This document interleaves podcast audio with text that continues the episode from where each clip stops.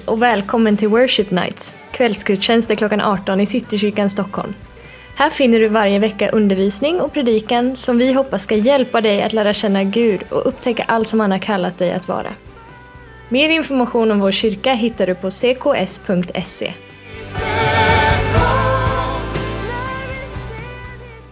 Välkommen till Worship Nights. Eh, det är en av våra kvällsgudstjänster, eh, eller faktiskt det är den enda kvällsgudstjänsten vi har i kyrkan. En av. Let's not- get over our heads. Eh, Hälsa på den du sitter bredvid. Det kanske man skulle göra först, men bara hälsa, presentera dig. Berätta vad du heter, vad du gör här, om du brukar komma hit.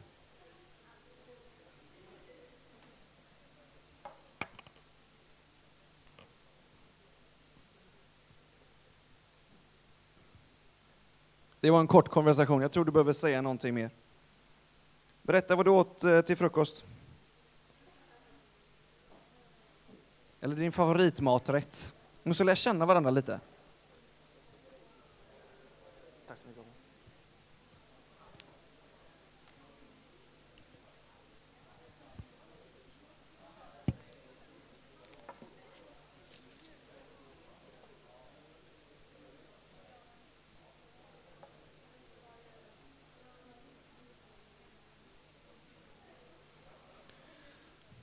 Fy vad gött.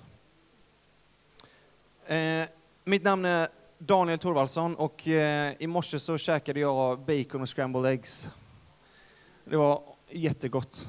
Eh, jag gör det alltid när min bror kommer, för han gillar det. Och, eh, min bror har inte varit i Stockholm på länge.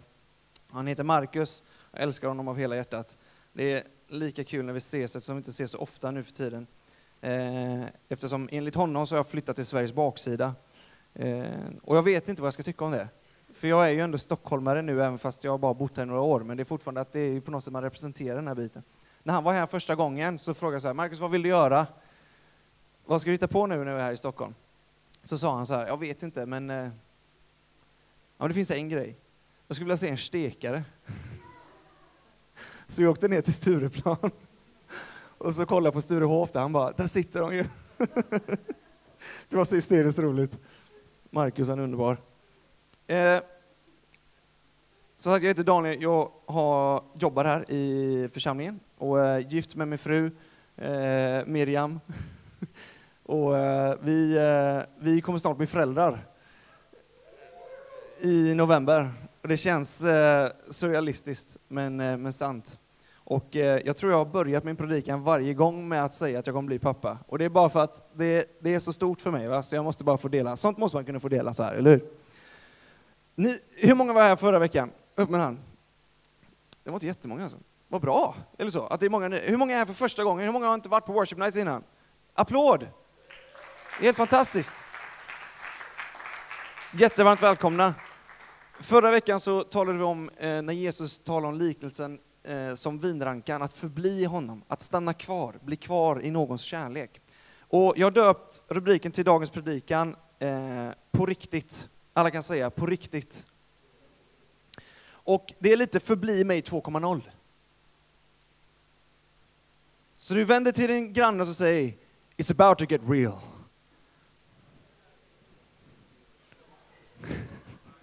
Du måste säga det med lite mer pondus. Vänd dig till din andra granne. It's about to get real. Det kommer bli på riktigt ikväll. Är ni med på det? Jag älskar när någonting går från, alltså när någonting trillar ner och det blir på riktigt, det blir verkligt, det blir äkta och man kan ta på det. Det är inte bara tomma tankar och ord, utan det blir på riktigt. Någonstans, jag älskar när saker blir på riktigt. När saker förverkligas. Och jag tänkte att vi skulle läsa i Bibeln. Det är en fantastisk bok.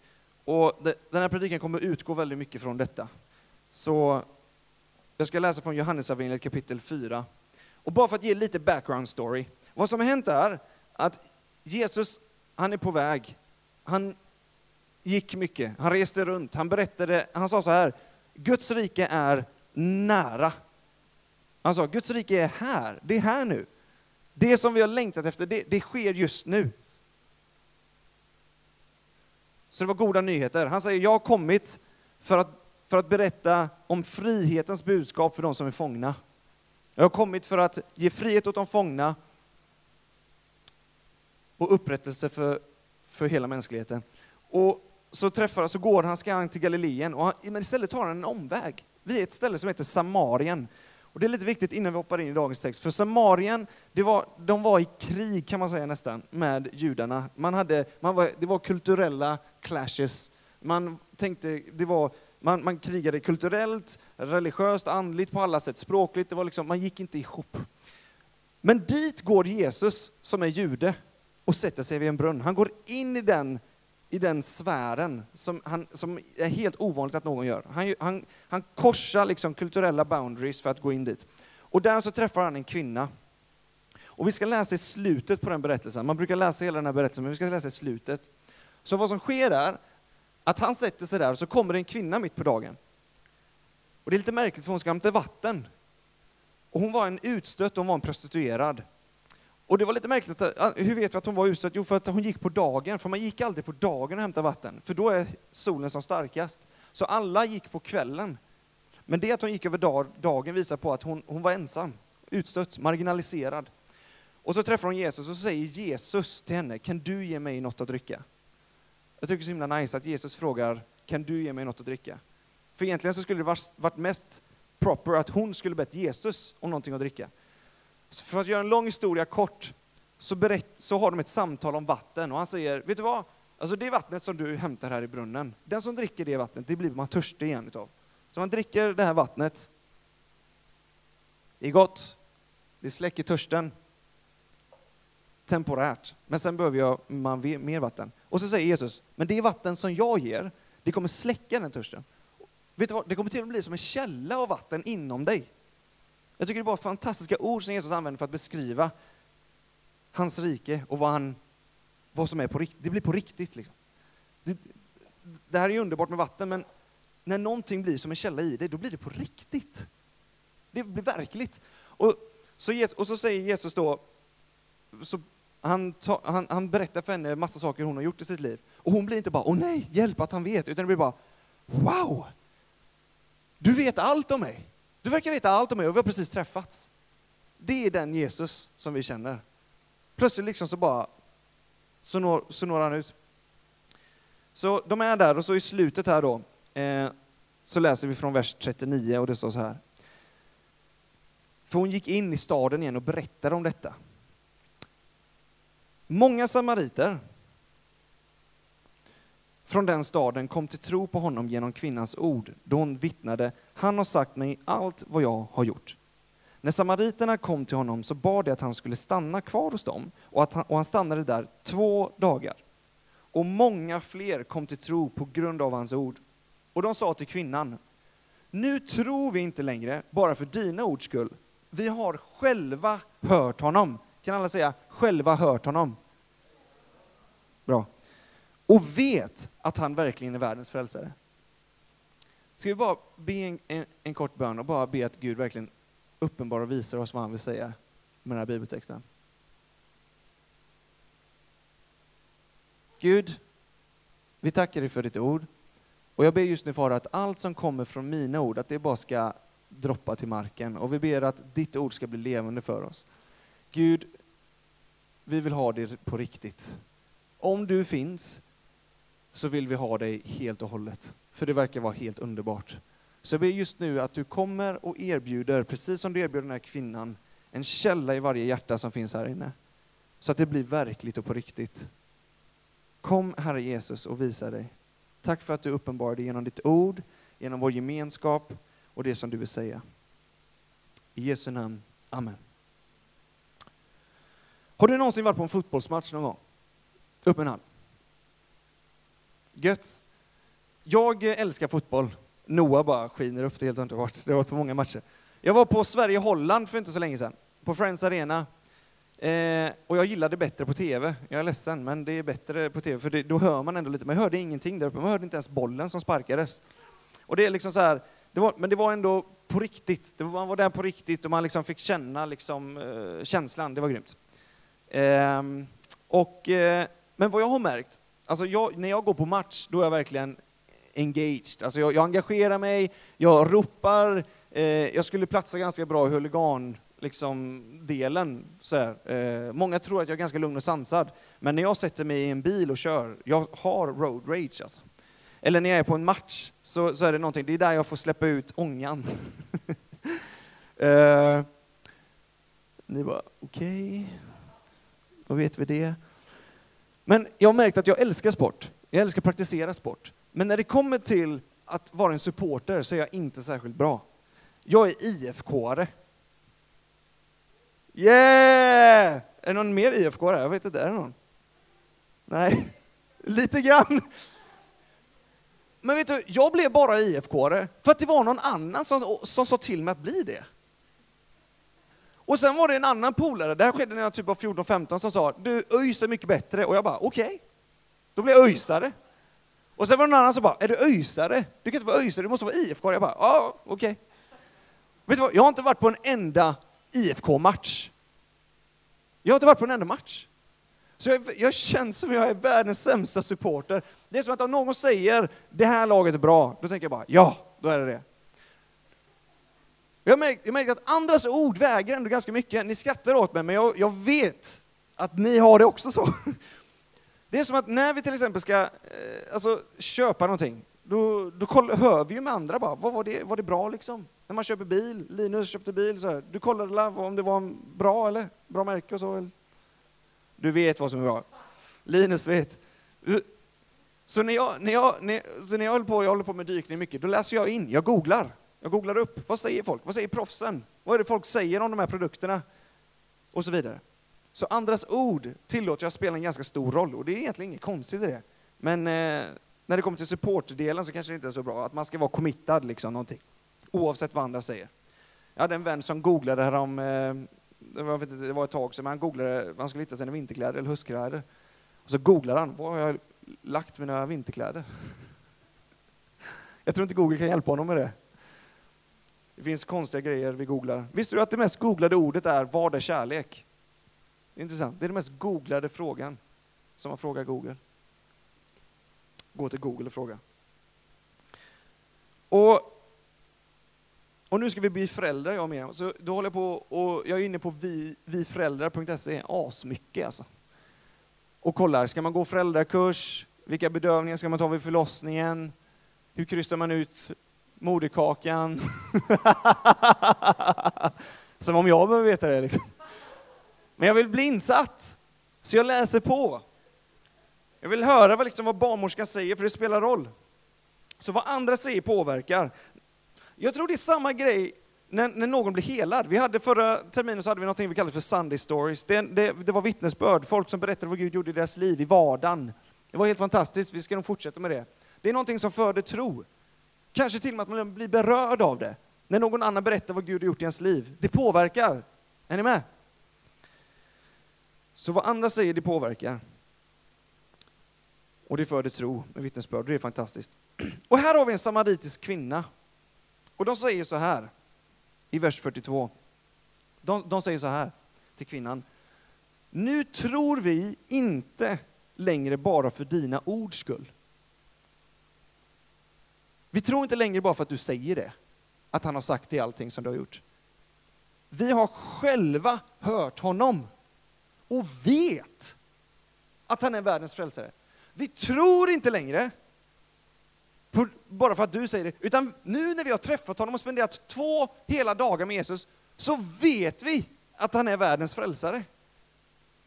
Alltså hur ball är inte Jesus? Två dygn och hela stan bara säger Jesus är, Jesus is Lord. ja, men det är sjukt. Det är helt sjukt. Tänk dig att Jesus hade varit på i Stockholm två dagar för Samarien, det var en stor stad. Två dygn, hela stan. Jesus är Herre. Han är världens frälsare. Det är någonting när Jesus träffar människor. Han träffar Sackaios, en tullindrivare. Han var, han var eh, thief, vad heter det på Han stal, han var tjuv. Bra. Går för snabbt mellan hjärnhalvorna. Eh,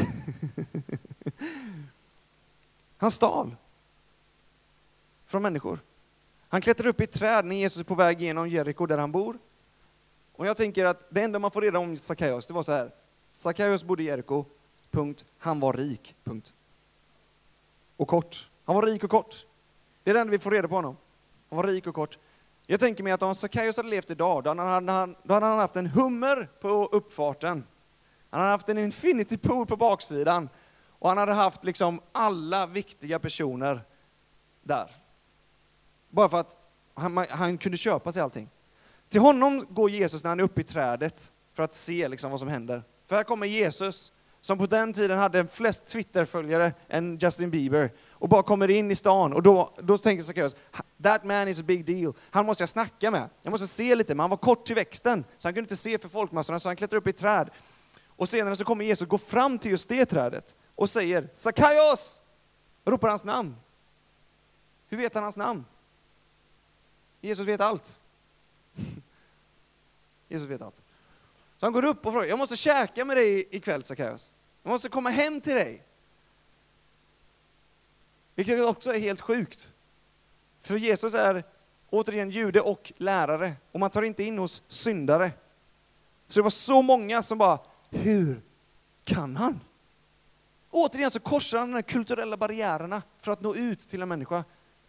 Sackaios har bestulit folk hela livet. Det är därför han är rik. Han har tagit, stoppat ner i egen ficka, som tullindrivare kan han göra det. Och han, är, han var inte bara tullindrivare, han var chef för tullindrivare. Så han var liksom top notch. Och sen så säger så efter, efter vi, vet att, vi vet inte vad Jesus säger, men efter en middag så säger Sackaios, Jesus, om jag, har, jag vill ge bort hälften av vad jag äger. Hälften av vad han äger. Det var en rik man, kom ihåg. Och om jag har tagit från någon, vilket han hade, det var bara en retorisk fråga, om jag har, det har du, så ska jag ge fyrdubbelt igen? Alltså Sackaios på en eftermiddag med Jesus håller på att bli bankrutt. Han, han håller på att bli helt pank. Vad är det Jesus har sagt till honom? Undrar inte ni det? One moment with Jesus och allt bara förändras. Det är någonting som sker genom hela, Guds, genom hela den här historien. Varje gång Jesus träffar någon så förvandlas de. Och det är så sjukt osannolikt. Nu tror vi inte längre bara för att du har sagt det, utan vi har själva mött honom som du har snackat om. Och nu, nu tror vi inte längre, utan nu vet vi att han är världens frälsare. Det kallar man inom kyrkan för uppenbarelse. Alltså saker bara blir uppenbart, bara en, en aha-upplevelse. Så min fråga till oss här idag, det är, har du hört själv? När var senast du hörde själv med egna ord? Jag trodde jag aldrig skulle säga detta. Men ta inte mina ord för det. Tro inte på allt jag står här och säger. Har, när hörde du själv? Det är fantastiskt med vittnesbörd, det föder tro, det är helt enormt när någon blir helad och man får berätta. Men när, var du sen, när mötte du senast honom? När hörde du själv så att du på något sätt bara, nu vet jag, för jag har mött honom. Och han är verkligen så, vet du, han är mer underbar än vad, jag hade, vad folk säger. It's even better! det är så mycket bättre när det är på riktigt. Jag vill ha det riktiga Jesus. Jag vill inte ha en fake Jesus. Jag vill inte ha en VVJD-armband som jag ändå inte vet vad det betyder, eller dog eller vad det nu var. Jag hade jättemånga sådana. Jag, hade, fattade, jag visste inte alls vad de betydde. Jag bara hade dem för att alla hade dem. Du vet, när man åker ut till Alvik, jag bodde på Tempus, där så finns det en graffiti-målning, jag vet inte om de har tagit bort den, men det står så här, det är bara döda fiskar som flyter med strömmen. Var inte en död fisk! Stå inte här och tro på allt jag säger. Har du hört själv? Har du mött honom själv? Jag kan bara föra dig så långt, men det kommer till en punkt då du måste själv vara Jesus, möt mig! Jag vill se dig! Jag, jag börjar bli desperat här och jag hoppas det är tillåtet. Vet du vad? Det var vi som startade detta, så jag, det är tillåtet att vara desperat här på Worship Night. Det kan, det kan inte ni bestämma, det är jag som bestämmer. Du får lov att vara desperat! Du får lov att vara desperat här. Så desperat att en kvinna med blödarsjuka eller en puckel på ryggen under hela 40 år kryper fram bara för att hon tänker, om jag bara kan röra vid Jesu tofs på manteln så blir jag frisk. För jag har hört för mig själv, men när jag har rört vid hans mantel så vet jag, för jag har ingen puckel på ryggen längre och min blödarsjuka är borta. Utan att ens Jesus visste om det. Helt omedvetet helande. Han vänder sig om och bara tänker, vem rörde vid mig? Jag känner att kraft gick ut. Det är som att Jesu godhet, han kan inte ens kontrollera den själv. Han, han visste, han var omedveten. Någon rör vid honom, personen blir helad. Och han undrar, eller kanske visste han det, men han ställer ändå frågan, vem rörde vid mig? Och så säger lärjungarna, det är så många som rör vid dig Jesus, för att det är en massa folkmassor här. Nej, men jag kände att det var någon som blev helad där, för jag kände att kraft gick ut. Har du hört själv? Det, jag skulle verkligen vilja att ikväll att du bara blir riktigt sugen på att få ett, en, ett riktigt möte med Jesus. Och du behöver inte, man kan inte krysta fram det, utan det är bara att möta honom. Det är bara att, att du får en hunger i ditt hjärta att vilja höra för dig själv. Inte genom mig, inte genom Miriam, inte genom lovsången, utan själv. För att du själv vill.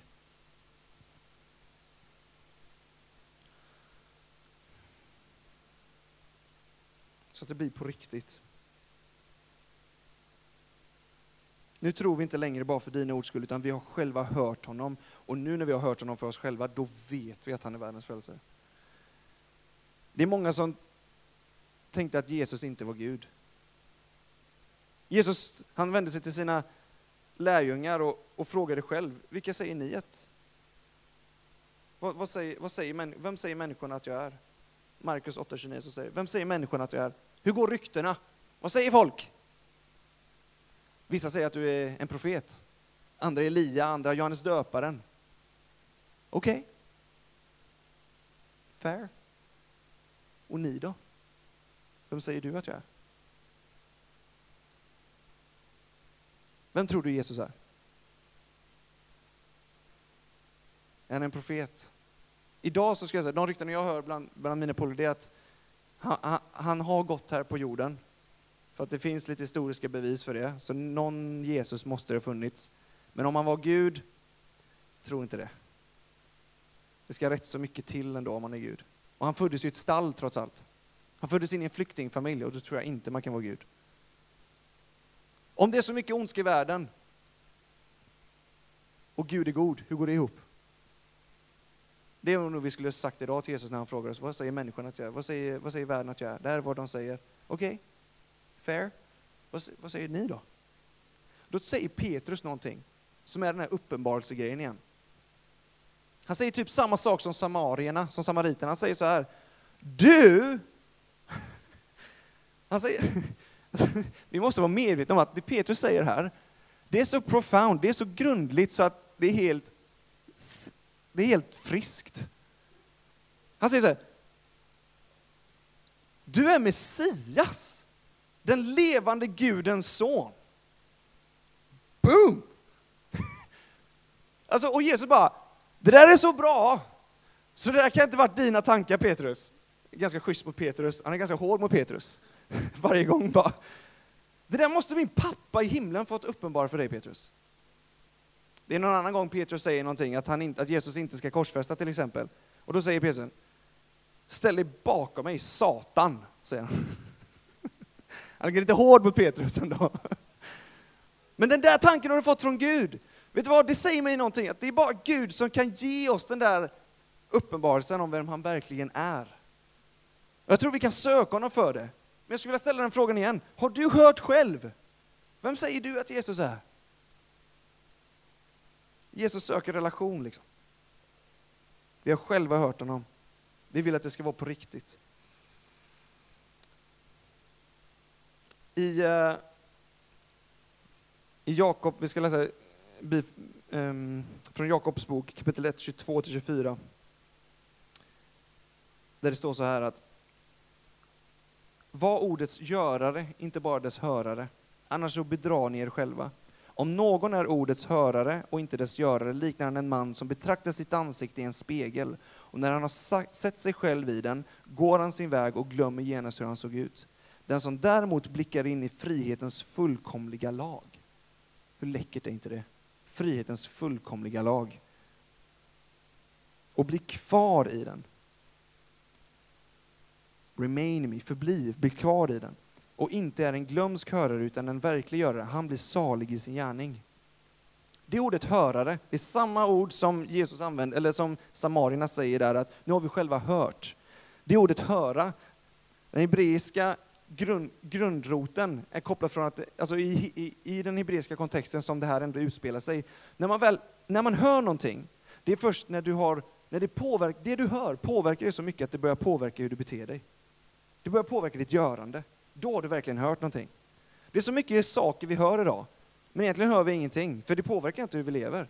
Men om det du hör börjar påverka hur du talar till din, dina vänner, hur det börjar påverka ditt beteende, hur det börjar påverka hur du tänker om dig själv, hur det börjar påverka hur du tänker om andra, hur det börjar påverka hur du tänker om Gud, om världen, då har du verkligen hört någonting. Då har det gått in. Det går inte bara in, ut, in där, ut här. Min farsa sa jämt det till mig när jag var liten, att det gick in här men ut här. Så det har liksom stannat med mig. Har du hört själv? Har det stannat hos dig?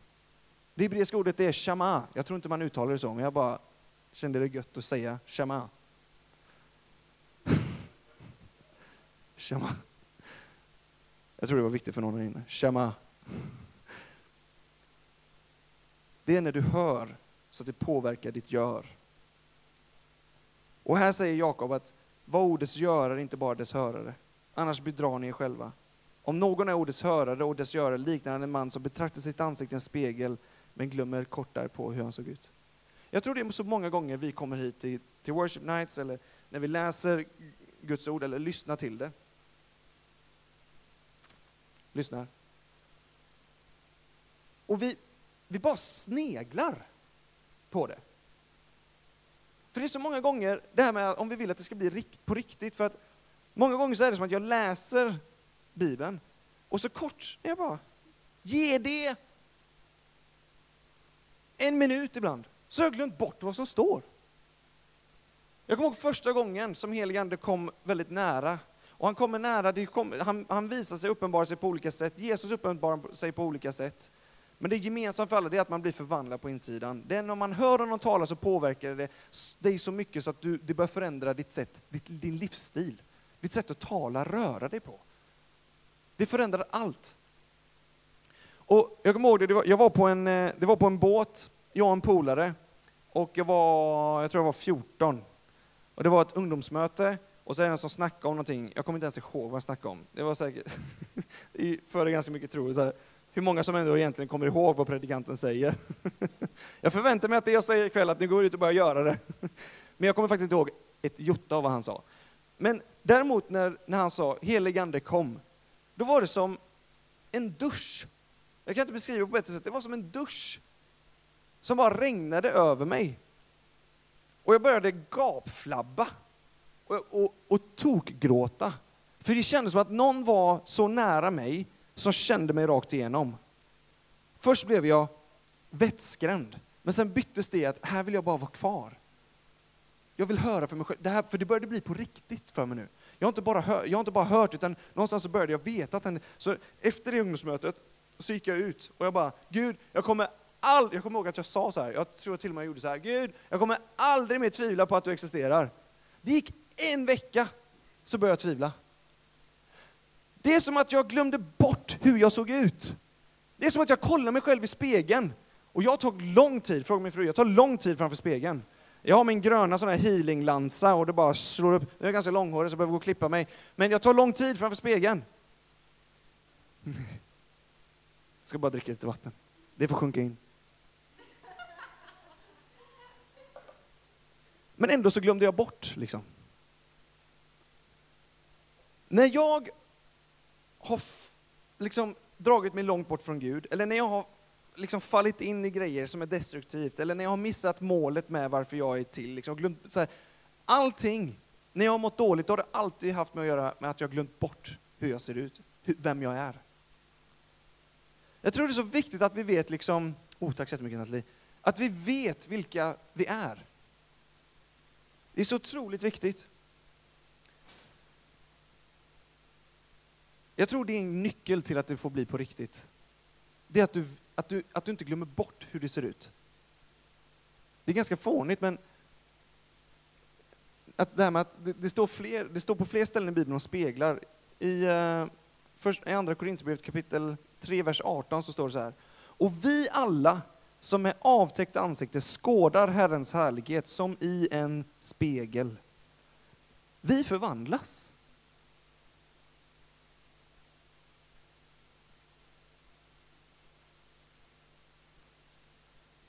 Tack Nathalie. Vi förvandlas till en och samma bild, från härlighet till härlighet. Det sker genom Herren, Anden står det. Det är som att ju mer du inte bara liksom gläns, det, det, ju mer du inte bara, du bara inte kollar lite grann så här och går vidare, då glömmer man bort. Men ju mer du verkligen skådar, stannar kvar, hör för dig själv, då blir det här på riktigt.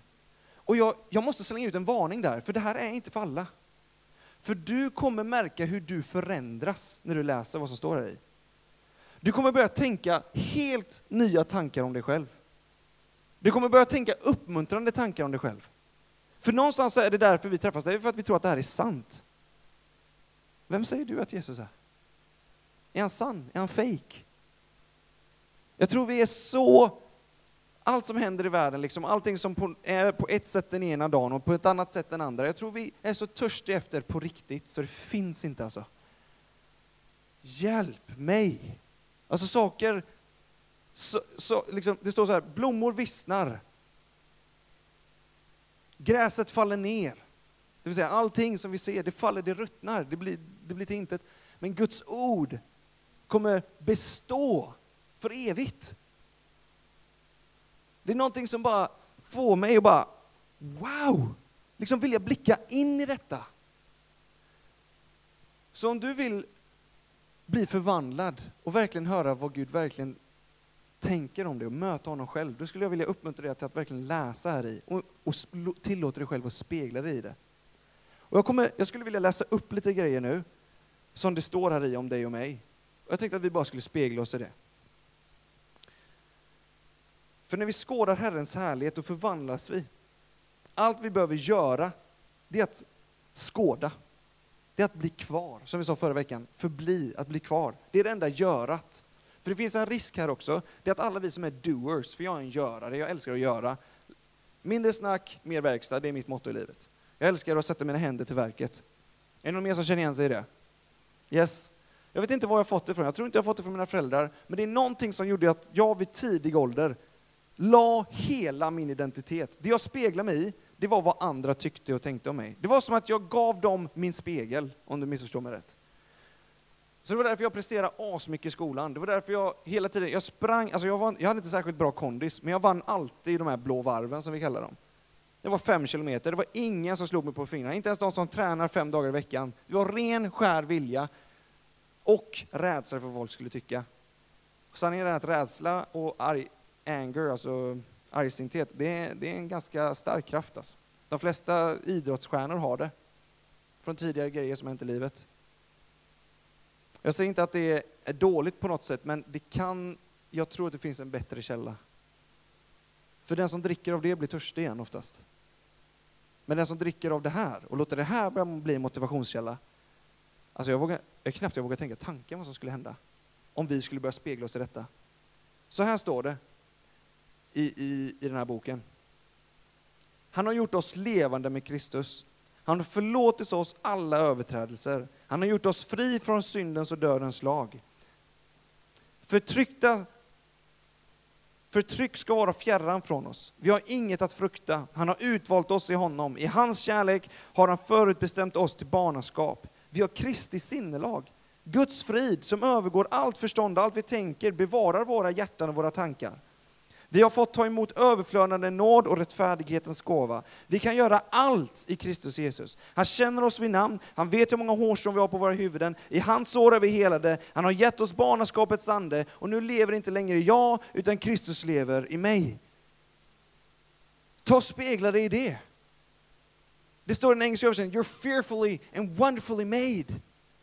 Vad sägs om att man skulle börja spegla sig i det istället för vad andra folk tycker och tänker om en? Jag tror att det här är mer på riktigt.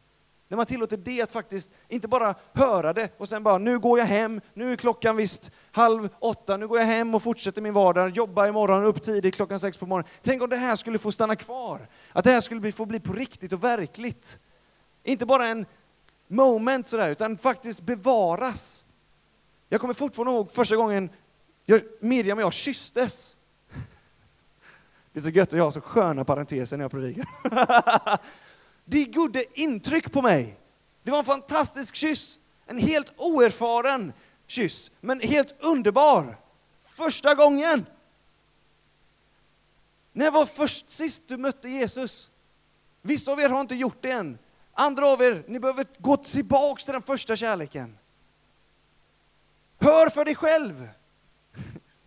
Jag tror inte jag behöver skrika mer än så. Känner det var mycket skrikande idag, men det är bara för att det är så otroligt passionerande i mig alltså. Ni behöver inse hur fantastiskt skapade ni är. Alla tjejer här inne, hur fantastiskt vackra ni är. Jag har en ring på mitt finger, jag hoppas inte det här kommer som ett smicker, men ni är helt underbart skapade. Ni måste förstå det.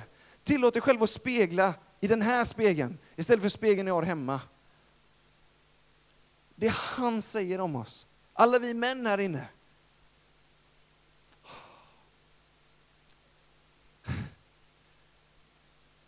Samma för oss.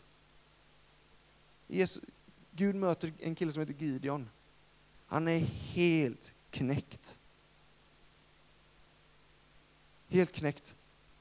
Och det första Gud säger genom en ängel är You mighty man of valor. Du modige och tappra stridsman. Det är hans öppningsfras. Du modige och tappra stridsman. Hur många av er vet hur otroligt viktigt det är vad du talar ut över dig själv och över andra? För det möjliggör någon att snappa upp.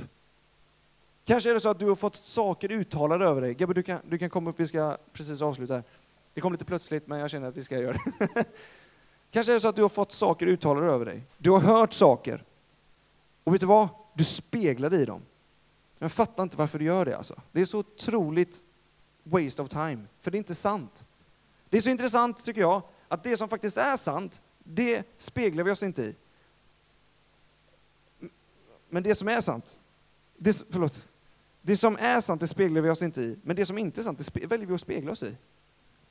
Jag tror det är många här inne som kanske redan vid en tid, alltså i skola eller så vidare, så är det folk som talat ut saker över dig. Det kan till och med vara föräldrar.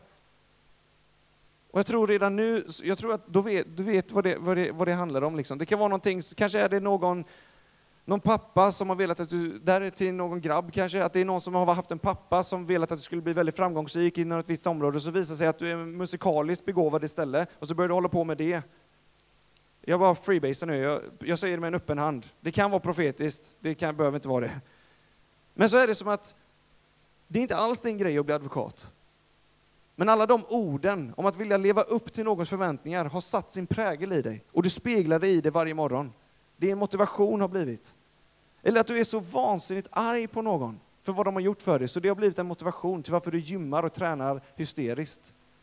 Alltså det är alla olika motivationer. Jag tror att Gud bara vill sätta fram sin spegel framför dig. Och det står att när du speglar dig i honom så förvandlas du. Det andra förvandlar inte, men det här förvandlar. Är ni med mig? Så jag skulle vilja avsluta så här, och jag skulle vilja göra en inbjudan till alla er som känner att jag skulle vilja att det här blir på riktigt. Du kanske har varit, du kanske inte känner Jesus, men du vill ha någonting som är riktigt och äkta. Du har ett hjärta som älskar det som är på riktigt. Och hela den här gudstjänsten så har du haft dina tentakler ute och känt in, är det här äkta? Är det som vi läser faktiskt på riktigt? Är det som Daniel snackar om, har det substans? Eller så kanske du är här och varit kristen typ hela ditt liv. Men det är som att poletten inte har trillat ner, det är fortfarande här uppe. Då skulle jag vilja be att det trillar ner till ditt hjärta. Så vi, skulle vi kunna göra så att vi bara ställer oss upp tillsammans.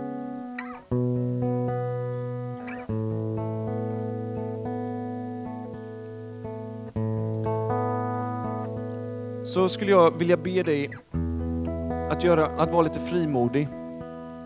Och om du känner att du skulle vilja ha, du skulle vilja att din tro blir mer på riktigt. Du vill att din tro blir på riktigt. Du vill höra för dig själv så skulle jag vilja att du sträcker upp din hand. Du kan göra det nu. Bara sträcka upp den, bara så jag vet, för jag skulle vilja be bara härifrån för dig. Och det här är inte för alla, utan det är för dig som vill att din tro ska bli mer på riktigt. Du kanske redan är på den platsen där du kan säga, vet du vad, jag har hört från många, men nu när jag har träffat honom så vet jag att han är världens frälsare. Du kanske redan är på den platsen och vet du vad, det är helt underbart. Fortsätt vara där. Men om du känner att du vet, du inte är hundra på att han är det, då, kommer jag, då skulle jag vilja be att han vidrör dig och berättar det själv. Höra det från källan själv. Inte via mig, utan via honom. Så bara, om du ser att det är någon hand som har gått upp bredvid dig, skulle du bara vilja lägga, fråga om det är okej okay att du lägger din hand på den personens axel. Om det är händer som är i luften som inte har någon, som, bara, bara lägg din hand på den personens axel. Så ber vi tillsammans. Fader, du, för de människorna som vill att, att det ska få bli på riktigt, yes. Jag ber att du uppenbarar dig för de personerna just nu. Kom och gör det bara du kan göra. Vi välsignar deras längtan efter äkthet. Vi välsignar deras hjärta av äkthet, ärlighet och på riktigt. Så jag välsignar de hjärtan som, har, som, som sträckt upp sina händer. Och jag tackar dig Gud för att du just nu tillåter det att ske, att de får höra från dig. Jag ber att du, håller, att du börjar tala ut ord över dem som de får spegla sig i. Att han gör dig levande med Jesus. Han förlåter dig just nu. Om det är någonting du vill förlåtelse för, så förlåter han det. Han förlåter alla överträdelser. Han gör dig fri från syndens och dödens lag. Det sker nu. Det är bara han som kan göra det. Det är inte jag som kan göra det, det är bara Gud. Du har ingenting att frukta. Han har utvalt dig i honom. Du är utvald. Du är förutbestämd. Du är fantastiskt skapad. I kärlek har han förutbestämt dig till barnaskap. Att du kan ropa Abba fader, pappa, pappa Gud. Du har fått ta emot överflödande nåd och rättfärdighetens gåva. Han relaterar inte längre till dig på ett ytligt sätt, utan han går djupt. Så jag tackar Jesus just nu för att du tar oss djupare. Ta oss djupare som folk, ta oss djupare som församling, ta oss djupare som individer. Gud, vi vill ha det på riktigt. Vi vill inte ha en fake-bild av Jesus, vi vill ha en riktig gudsbild. Jag tackar dig för att du upprättar gudsbilder här inne. Jag tackar dig Fader för alla som har haft saker emot sig i livet, som har gjort, som har talat fel eller talat lögner över oss. Vi är trött på att hålla uppe de speglarna framför oss. Vi slänger dem i marken. Jag är trött på att hålla uppe spegeln av prestation. Jag slänger ner prestationsspegeln i golvet. Jag tar upp all, all rädsla, allting som har blivit, alla som har blivit styrda av rädsla, den spegeln, vi slänger den i golvet. Och istället så tar vi upp spegeln där vi ser Jesu ansikte. En riktig spegel som förvandlar utan smink. Precis som vi är. Så tackar jag välsignar friheten som är i det här rummet just nu. Jag välsignar friheten som är i rummet. Ingen befriar som du Jesus. Ingen människa är som du. Ingen president är som du. Ingen kung är som du. Ingen regent på den här jorden är som du. Ingen är din like. Bara du Jesus, och du är helt fantastisk. Och vi läser om att en stund med Jesus förvandlar allt. Jag ber att det mötet får ske här just nu. För vi bara välsignar varandra. I Jesu namn.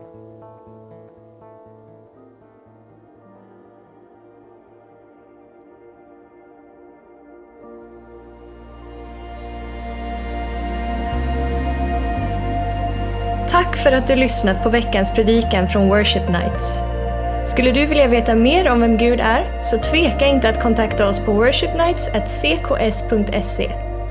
Dessutom är du alltid välkommen till någon av våra gudstjänster på söndagar klockan 11, 14 och 18 på Adolf Fredrik kyrkogata 10. Hoppas vi ses!